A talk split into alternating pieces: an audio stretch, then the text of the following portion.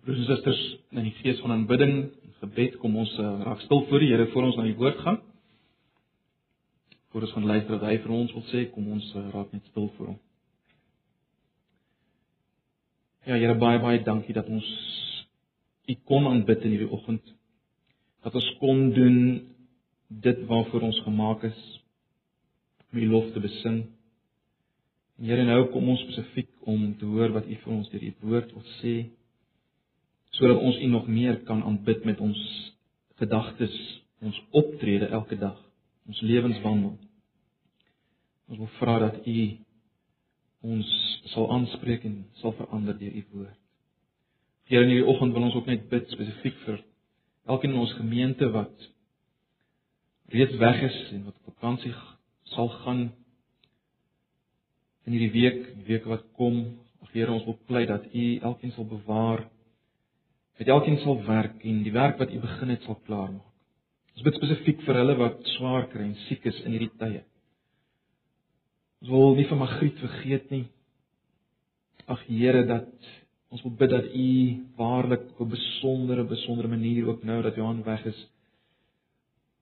haar sal bewaar, innerlik sal versterk en sal deerdra in haar lyding asseblief Here bid vir hom Isak wat vanoggend hier is wat ook nie gesond is nie. Ons wil vra Here dat U waarlik ook vir hom sal versterk elke dag en hom sal deurdra. Ons bid spesifiek vanoggend vir Pieter Griffin, Here wat in die hospitaal is na baie slegte ongeluk. Ag Here, ons wil bid vir volkomme herstel. En gebruik ook dit wat gebeur het om hom maar net weer nader aan U te trek asseblief. Ag Here, ons wil dan ook net laasens vanoggend spesifiek bid vir Henning en Naomi. Wat onder moeilike omstandighede in die Midde-Ooste vir u werk u groot maak. Ag Here, ek wil waarlik hulle aan u opdra. Ek bid vir die een bekeerling vir die pad wat Henning op met hom stap. Ek wil vra Here dat u waarlik om meer en meer sal vernuwe en sal verander deur die werking van die woord en die gees asseblief. Strale waarlikheid aan die opwending en Naomi kindertjies in hulle werk daar asseblief Here. Ag Here, nou is ons verwagting van U, ons oë is op U gerig. Kom praat met ons. Here, ons kom na U toe as gebrokenis. U ken my eie gebrokenheid en sonde. Maar ons kom op grond van wie ons in U is uit genade. En ons pleit kom werk met ons asseblief. Amen. Nou broers en susters, ehm um, ons gaan vanoggend aan met Efesiërs. Uh, ek sal nog besluit hoe lank ons in die vakansietyd sal aangaan, afhangende van hoeveel mense hier is. Maar vanoggend wil ek tog nog uh, weer voortgaan met Efesiërs. Ek wil en ons moet weer stil staan by uh, hoofstuk 4 vers 17 tot 31. Uh twee weke gelede het ek wel oorsigtelik hierna gekyk, 'n paar beginsels uitgehaal. Uh ek wil hê ons vanoggend weer hierop insak en um uh, bietjie meer spesifiek na gedeelte kyk en um bietjie belig op miskien uit 'n ander hoek uit. Maar kom ons lees net weer vanaf vers 17 van Efesiërs hoofstuk 4. Ek lees maar die 83 vertaling. Ek sal wel uh verwys na die 53 wat ons gaan help.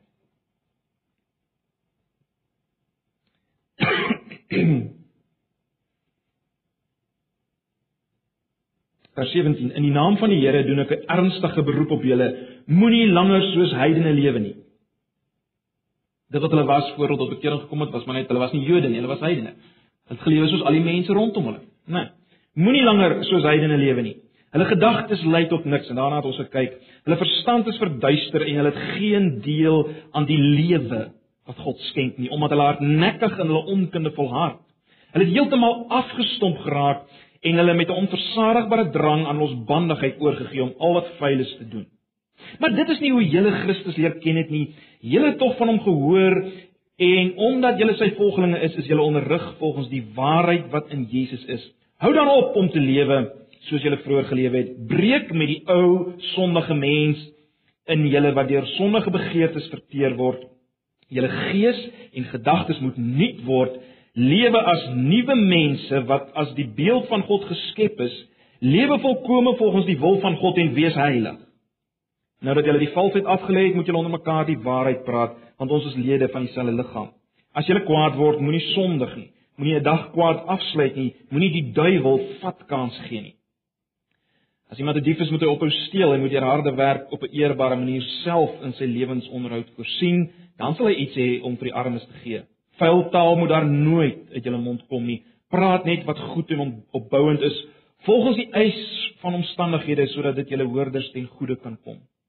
En moenie die Heilige Gees van God bedroef nie, want hy het julle as die eiendom van God beseël met die oog op die verlossingsdag. Moet nooit verbitter of opvleend wees of woedend word nie, moenie vloek of skel nie, moet niks doen wat sleg is nie, wees goedsgesind en hartlik teenoor mekaar en vergewe mekaar soos God julle ook in Christus vergewe het. Geweldige ryk gedeelte, ons sal waarskynlik nog 'n keer stil staan hierby. Maar ek wil julle net herinner broers en susters aan dit wat ons twee sonnae gelede gesien het. Ons het twee sonnae gelede die leuen of die leuns omtrent heiligheid ontmasker, as julle sal onthou. Ons het gesien of mekaar gesê dat heiligheid het niks daarmee te maak om soos 'n donkie te lyk. In ander woorde half dood en onvriendelik. Ons het gesien heiligheid is nie abnormaal nie. Weird ouens wat heilig is. Heiligheid is nie abnormaal nie. Heiligheid is nie antisosiaal nie. En vir julle wat jonk is, ons gesien heiligheid is nie bedoel vir ou mense nie.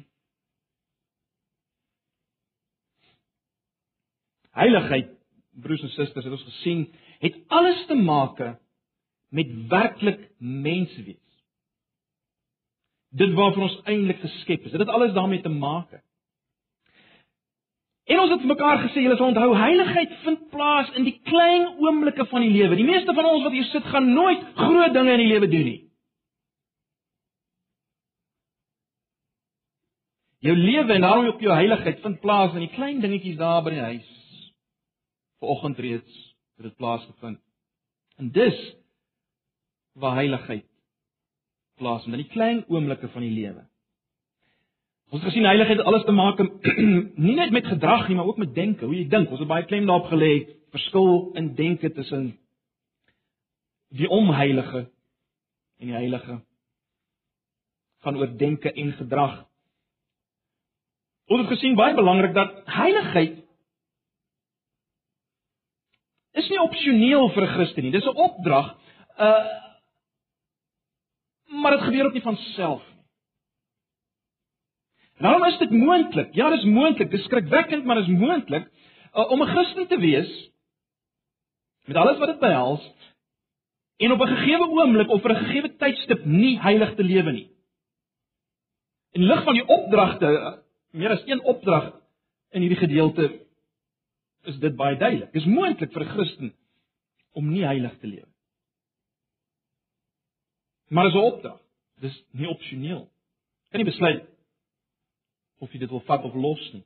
En baie belangrik, ons het gesien heiligheid en ons het dit nou raak gesien uit die hele Efesiërs. Heiligheid weer eens vind plaas binne die konteks van die liggaam van Christus.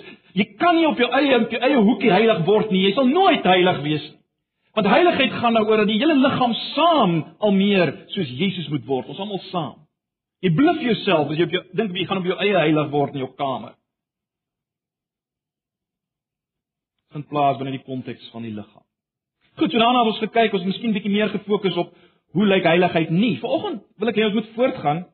En ek wil hê ons moet vir mekaar vra maar hoe hoe word ek dus heilig? Hoe gaan ek oor in my lewe as Christen in die klein oomblikke van die lewe van onheiligheid na heiligheid. Hoe hoe lyk die proses as dit dan 'n opdrag is? En ek hê ons moet spesifiek kyk na na die hele kwessie van van kwaad word, die hou van 'n wrok. Ons gaan 'n bietjie daarop fokus. Ons kyk dit vanaand na hierdie proses van heiligmaking in die klein oomblikke van die lewe. En ek wil hê ons moet net kyk vanaand na vers 22 tot 24.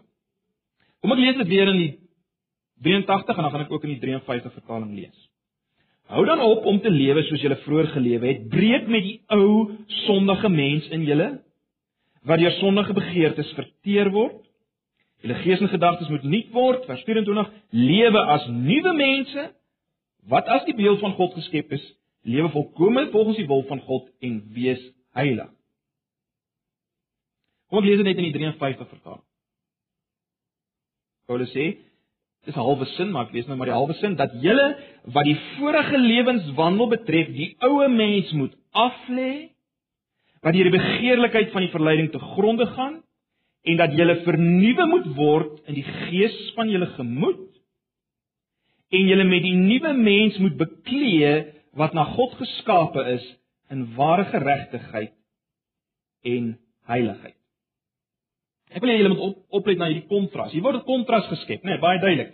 Paulus sê daar is 'n daar's 'n ou natuur en 'n nuwe natuur of 'n ou mens en 'n nuwe mens, afhangende van watter vertaling jy het. En let op, die een moet afgelê, letterlik uitgetrek word. Uh die die oorspronklik werk met die hele beeld van klere wat aan en uitgetrek word.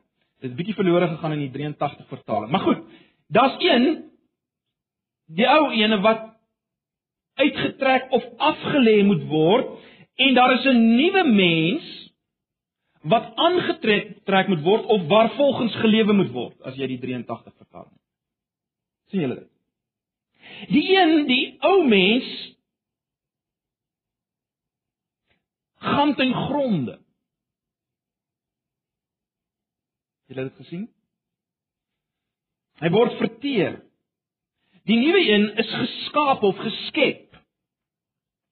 Die ou ene word gekenmerk deur begeertes van verleiding. Die ou een, die nuwe ene word gekenmerk deur ware geregtigheid en heiligheid of dan die wil van God en heiligheid. Weereens afhangende hoe jou vertaling lees. Maar dis die twee.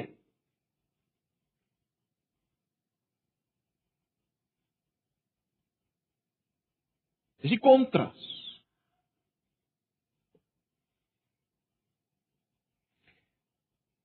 Maar jy moet mooi oplet op die woord geskep of geskape wat hier gebruik word. Dit is baie belangrik om dit raak te sien. Broers en susters, ons produseer nie ons eie nuwe natuur nie. Jou nuwe natuur kom nie deur 'n uh, 'n proses wat jy as te ware orkestreer nie. Nee, dis 'n skepping, né? Nee. Het ons het dit nou al baie duidelik gesien in Efesiërs. Onthou julle Efesiërs 2 vers 1? Julle was dood. Ek en jy is van nature dood wat betref 'n lewe vir God en vir mekaar, ons is dood. Maar ons het gesien vers 5 sê Paulus, God het ons lewend gemaak. God het ons lewend gemaak. Daar daar daar het 'n lewendmaak plaasgevind. wat kan vergelyk word met 'n nuwe skepping en dis dan inderdaad wat Paulus in Hoofstuk 2 vers 10 sê. As jy miskien net weer kyk na Hoofstuk 2 vers 10.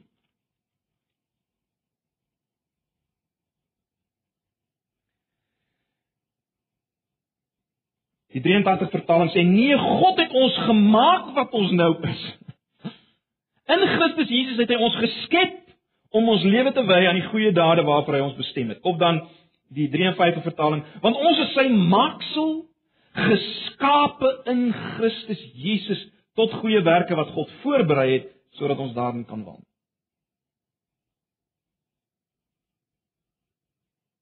Jy sien, is God se nuwe skepping. Ons is God se vakmanskap. Dis 'n bonatuurlike werk van genade. Dis wat 'n Christen is. Niks anders. Maar nou is die vraag natuurlik onmiddellik, maar goed, as dit so is, is alles dan nie kant en klaar nie. Eh, eh, dit wat jy nou net gesê het Jakobus, uh dat heiligheid nie van nature is nie.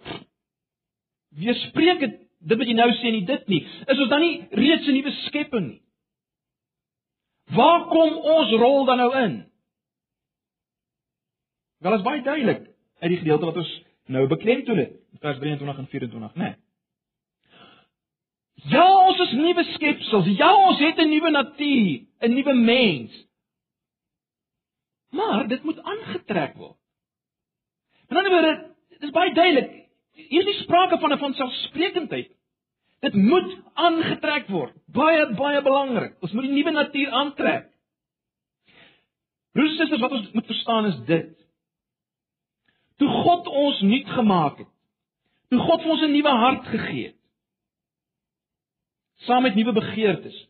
toe het hy nie ons bewustheid uitgeskakel. Hoor julle dit? Toe God ons nuut gemaak het, het hy nie ons bewustheid uitgeskakel. Dit is baie belangrik. En dan hoor ons is oomblik vir oomblik bewus van keuses. Sal ek die weg van verleiding volg? Volgens die ou mens leef in my lewenswandel of sal ek die weg van waarheid volg volgens die nuwe mens leef? Jy sien, hierdie nuwe skepping waarvan ons praat, hierdie nuwe skepping is nie die verwydering van keuses nie. Of dit behels nie die verwydering van keuses nie, dit is die transformasie, die verandering van die hart wat die keuses maak. Verstaan julle die verskil?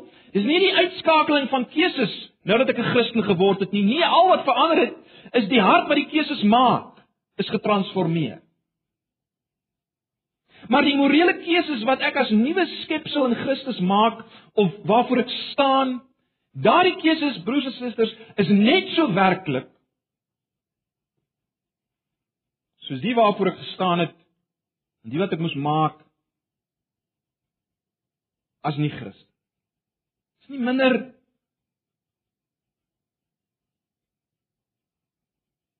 en minderwaardige tipe keuse, ek weet nie hoe om dit te stel nie.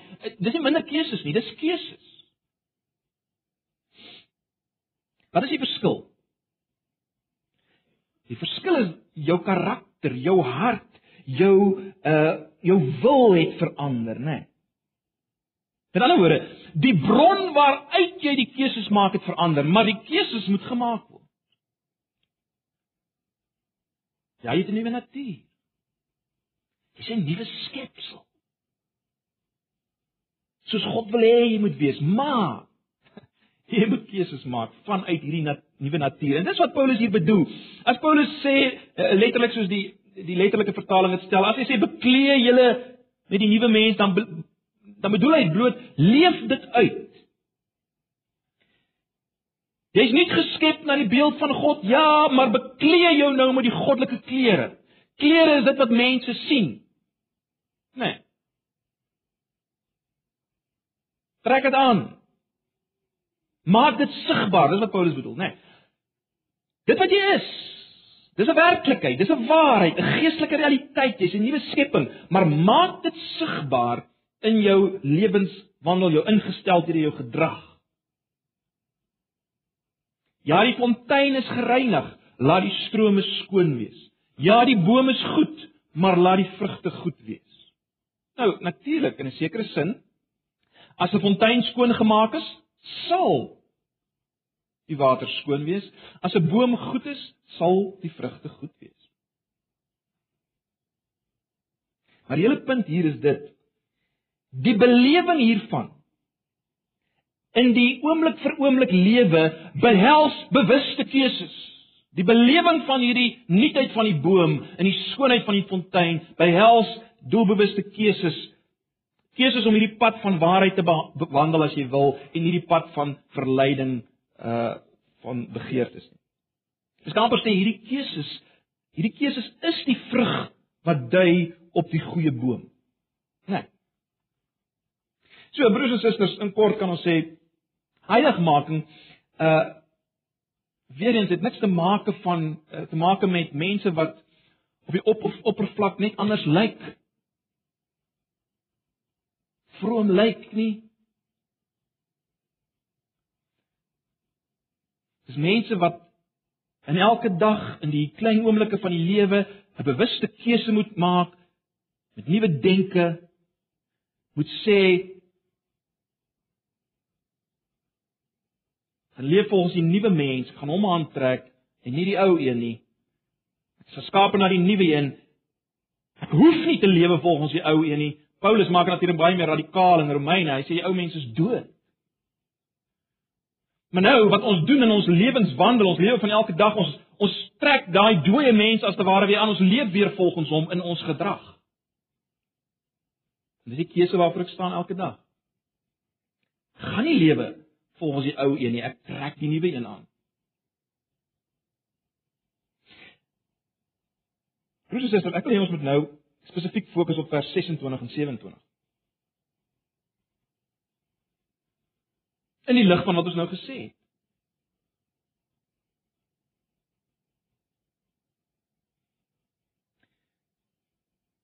Vanaf vers 25 is daar klomp tipes gedrag in die klein oomblikke van die lewe waarvan Paulus praat en dis hierdie dinge waaroor ons twee sonder gelede al so oorsigtelik gepraat het wat alles te maak het met heiligmaak. En wat alles te maak het uiteindelik met die bedroef van die Heilige Gees as die Here wil ons spesifiek nog daarop fokus. Maar goed, kom ons kyk dan net na vers 26 tot 27. As jy kwaad word, moenie sondig nie, moenie 'n dag kwaad afsluit nie, moenie die duiwel vat kans gee nie. 53 vertaling word toornig en moenie sondig nie, laat die son nie ondergaan oor julle toorn nie. Nou, 'n mens kon in die lig van hierdie vers praat oor die legitimiteit van kwaad word. Dit lyk asof daar 'n kwaad word is wat legitiem is en 'n kwaad word wat nie legitiem is nie. Ek wil nie daarop fokus nie, mense kon daaroor gepraat het. Ek wil fokus op op die kwaad word wat moet uitgetrek word wat ons lewenswandel betref in die proses van heiligmaak. Die kwaad word wat uitgetrek moet word, wat afgelê moet word as jy wil. Jy moet oplet. Paulus sê moenie 'n dag kwaad afsluit nie, meer letterlik.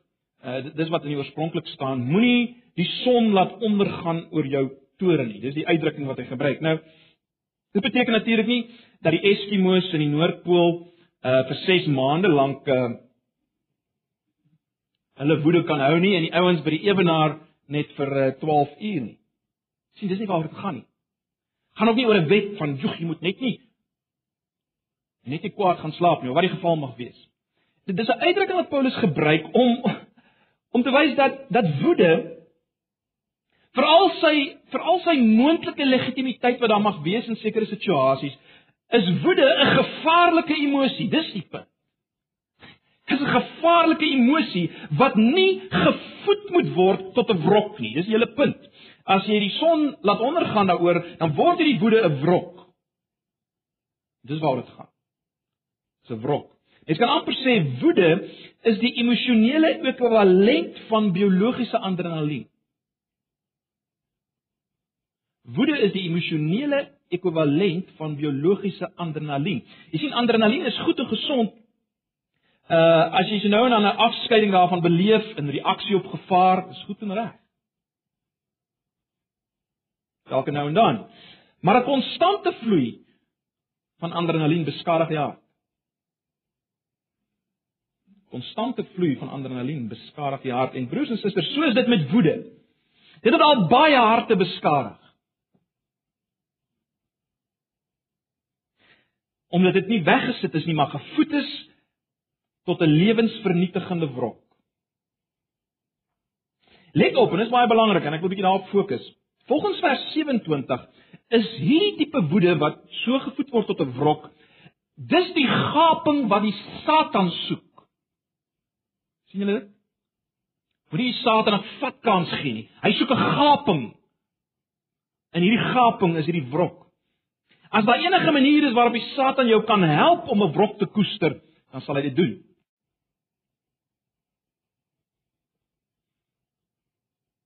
En dis hoekom dit uitgetrek moet word.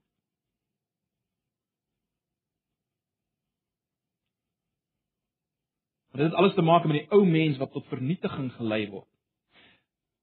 Daar's min of meer 6 doelwitte van Satan wat uh, wat as te ware bevredig word as 'n Christen 'n wrok koester. Min of meer 6 sulke doelwitte van die duiwel wat bevorder word wanneer ek en jy as Christene wrok koester. In die eerste plek sal sal julle weet Satan se doel is dat ek en jy ons in God se plek moet stel. Is dit nie so nie? Uh, ons sien dit al in Genesis 3, né? Nee.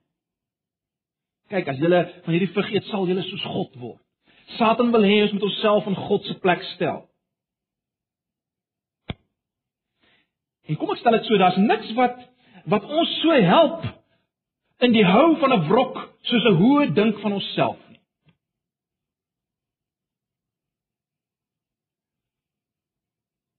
Jy dink jy is die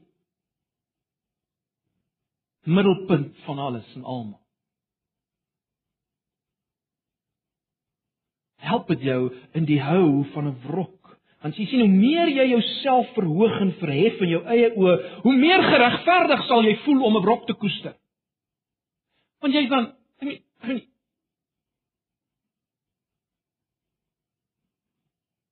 weet hy wie ek is, sy wie ek is. So jy, jy raak regverdig in die hou van 'n wrok as jy 'n hoë dink het van jouself. Jy die myn oues. Broers en susters, as die Satan daarin kan slaag om 'n wrok vir jou natuurlik te laat voel en geregverdig te laat voel, dan het hy al 'n ver pad gevorder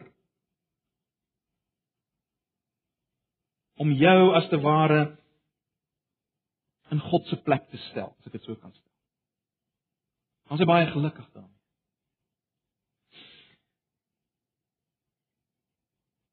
Die tweede ding. Satan se doel is verder dat ons sal optree asof ons die regters in die wêreld is en nie God Julle ken almal Romeine 12 vers 19 wat sê moenie julle wreek nie, ek dink is die 53 vertaling wat dit wat so lees. Moenie julle wreek nie geliefdes, maar gee plek vir die toorn, want daar is geskrywe aan my kom die wraak toe. Ek sal vergeld spreek die Here. Jy sien wat gebeur as ons ehm, as ons 'n wrok koester? As ons 'n wrok koester, dan tree ons op asof God nie die regverdige regter is. Oomblik as ek 'n wrok koester, tree op asof God nie die regverdige regter is. Jy sien, ons tree op asof ons die bewakers van die morele orde in die wêreld is.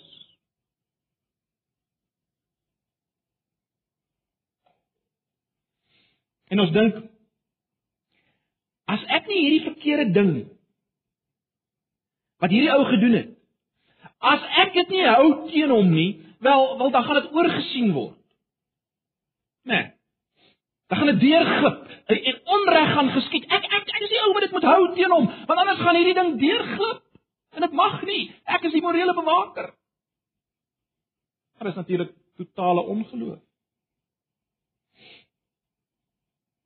Wraak kom die Here toe. Hy sal reg laat geskied. Dis sy besigheid, nie ons se nie. Met ander woorde, weer eens broers en susters, wanneer ons 'n wrok koester, plaas ons onsself in die plek van God.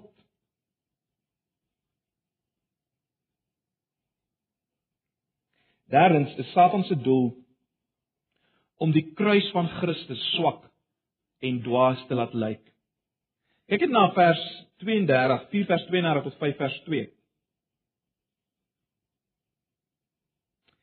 Wees goedgesind en hartlik teenoor mekaar en vergewe mekaar soos God julle ook in Christus Jesus vergewe het. Hoofstuk 5: Omdat julle kinders van God is en hy julle liefhet, moet julle sy voorbeeld volg. Lewe in liefde soos Christus ons ook liefgehad het en om ons ontwil sy lewe as 'n offergawe gegee het, ja, 'n offer wat vir God aanneemlik is.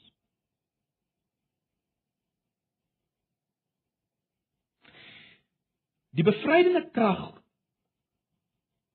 of laat ek so stel, die motiverende krag wat ons bevry van die koester van 'n wrok is dat God in die kruis van Christus die wrok wat hy teen ons regverdiglik het as gevolg van ons sonde in die kruis van Christus het hy dit tevrede gestel. En dan word hy dit nie op ons uitgegiet nie. Hy het dit nie teen ons gehou nie. Hy het dit op homself geneem, op homself uitgegiet. En daarom sê Paulus vergewe soos God in Christus jou vergewe het. Wat doen ek met ander woorde as ek 'n wrok hou? Wel ek kanselleer die kruis uit. Kanselleer die kruis uit. Ek tree op asof God 'n dwaase ding aan die kruis gedoen het omdat hy sy onbeperkte woede teen my as 'n goddelose laat vaar het. Jy sien hy het dit laat vaar, maar ek sal my woede hou teen hierdie persoon.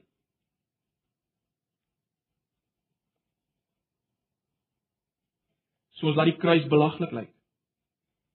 Belaglik. Ek sal sal my wrok hou. Ek sal my woede hou. Dis wat Satan wil hê.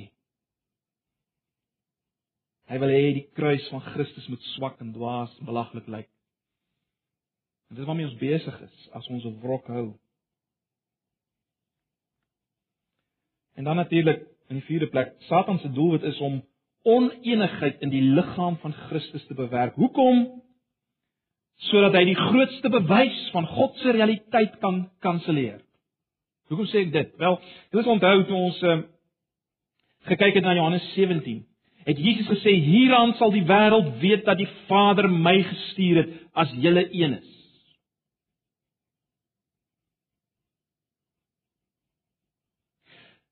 kortimere en lang wrokke kweek stryd en onenigheid in die liggaam van Christus ons weet dit.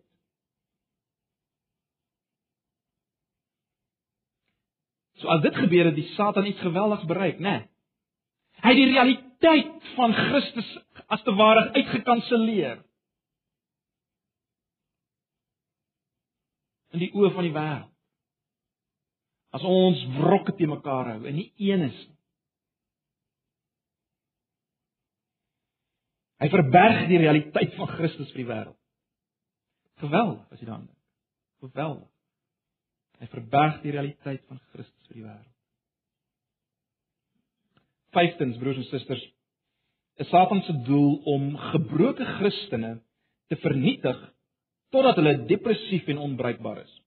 As 'n baie interessante versie in in in uh in 2 Korintiërs 2 vers 7. Die konteks daar is 'n uh, uh 'n insident van kerkdissipline. En dan sê Paulus dat die persoon wat oortree het in hierdie insident moet vergewe en vertroos word, sê Paulus, dat so iemand nie miskien deur 'n al te groot droefheid verteer word nie. Dis hoe dit stel. Sê hierdie persoon moet vergewe word en vertroos word sodat hierdie persoon nie deur 'n al te groot droefheid verteer word nie.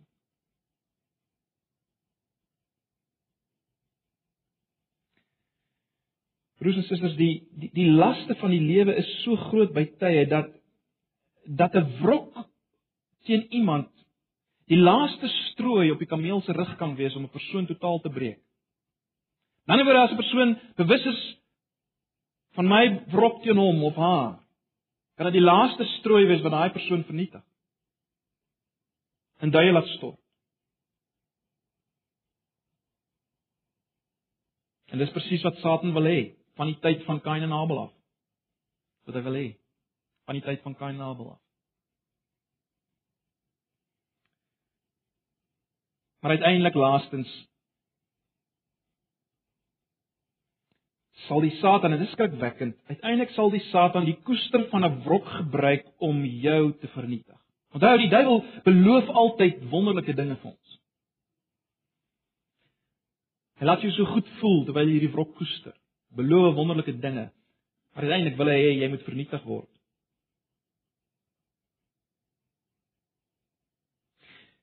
Julle ken almal die gelykenis wat Jesus vertel van die sogenaamde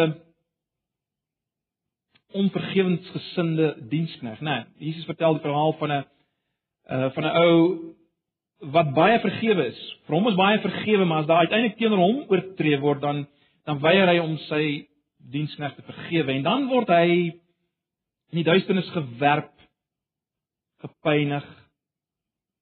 En dan gee Jesus hierdie skrikwekkende woorde. Hierdie skrikwekkende woorde. Hy sê Matteus 18 vers 35 So sal my hemelse Vader aan elkeen doen wat sy broeder nie van harte vergewe nie. Skryf weer hierdie term van harte waarmee ons begin het, né? Vanuit die hart, vanuit jou nuwe natuur, vanuit die gereinigde fontein, vanuit die goeie boom.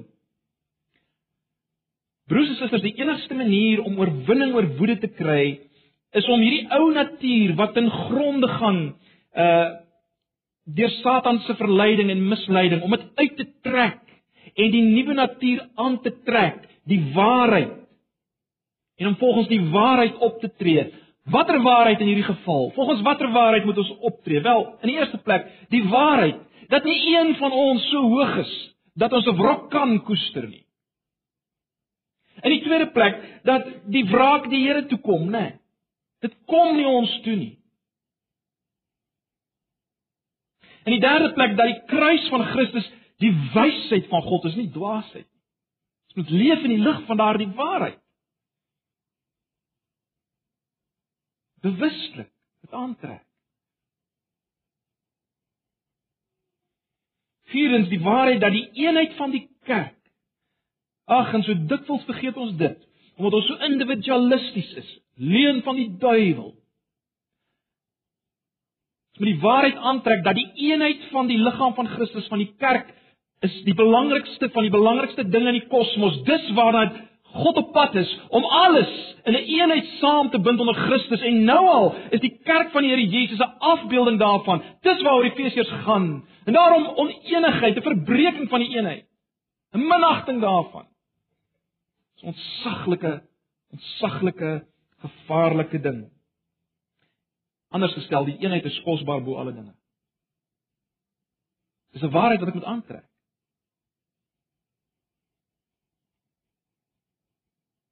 En die lig waarvan ek moet lewe en dan natuurlik die waarheid dat dit moontlik is in die koester van 'n wrok om geestelike moord en geestelike selfmoord te pleeg. Geestelike moord en geestelike selfmoord terselfdertyd te pleeg.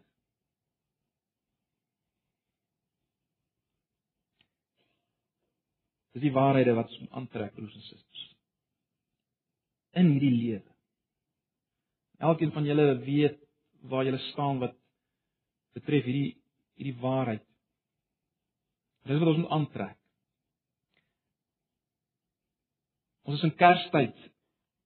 Weet julle daar's 'n wonderlike vers in 1 Johannes um, In Johannes 3 vers 7 wat sê dat die seun van God, Jesus het in in die wêreld gekom om die werke van die duiwel te vernietig. Ag, kom ons kom ons vat dit in hierdie Kerstyd. Dis waarvoor Jesus gekom het om die werke van die duiwel te vernietig, ook in my lewe. In die klein oomblikke, in die koester van 'n wrok. My kwaad wees wat ek hou en koester. Jesus het gekom en dis waaroor Kersfees gaan om hierdie werk van die duiwel te vernietig. Kom ons lewe in hierdie Kerstyd as nuwe mense wat ons is in Christus. Kom ons trek dit doelbewus aan. Doelbewus. Ons maak die keuse om nie te lewe volgens die ou mens as dit hierby kom nie, maar die nuwe mens. Wat vir God lewe, wat heilig is. Mag die Here ons hiermee help. Bid dit vir elkeen van julle, ek bid dit vir myself. Mag die Here ons genade gee. Kom ons bid saam. Here baie dankie vir u woord.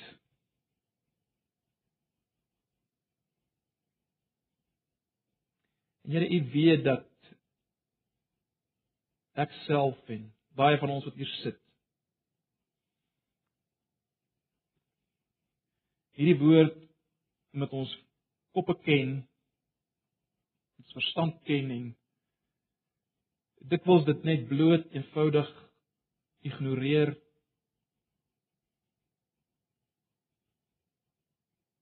En dat ons in ons lewenswandel in die klein oomblikke van die lewe weer leef volgens die ou mens wat deur die verleiding te gronde gaan. Ons trek weer daardie mens aan. Ons weier om uit te trek. Ons beklee ons nie met die nuwe mens nie. En uiteindelik, Here, doen ons u eer soveel skade aan. U naam, u koninkryk. Ag, Here. Geef ons help ons deur die gees wat in ons woon om in hierdie vakansietyd nie 'n streep te trek teen dit waarvoor u gekom het, Here Jesus, maar om juis dit te laat plaasvind. Die vernietiging van die werke van die duiwel. Asseblief. Ons vra dit in Jesus se naam. Amen.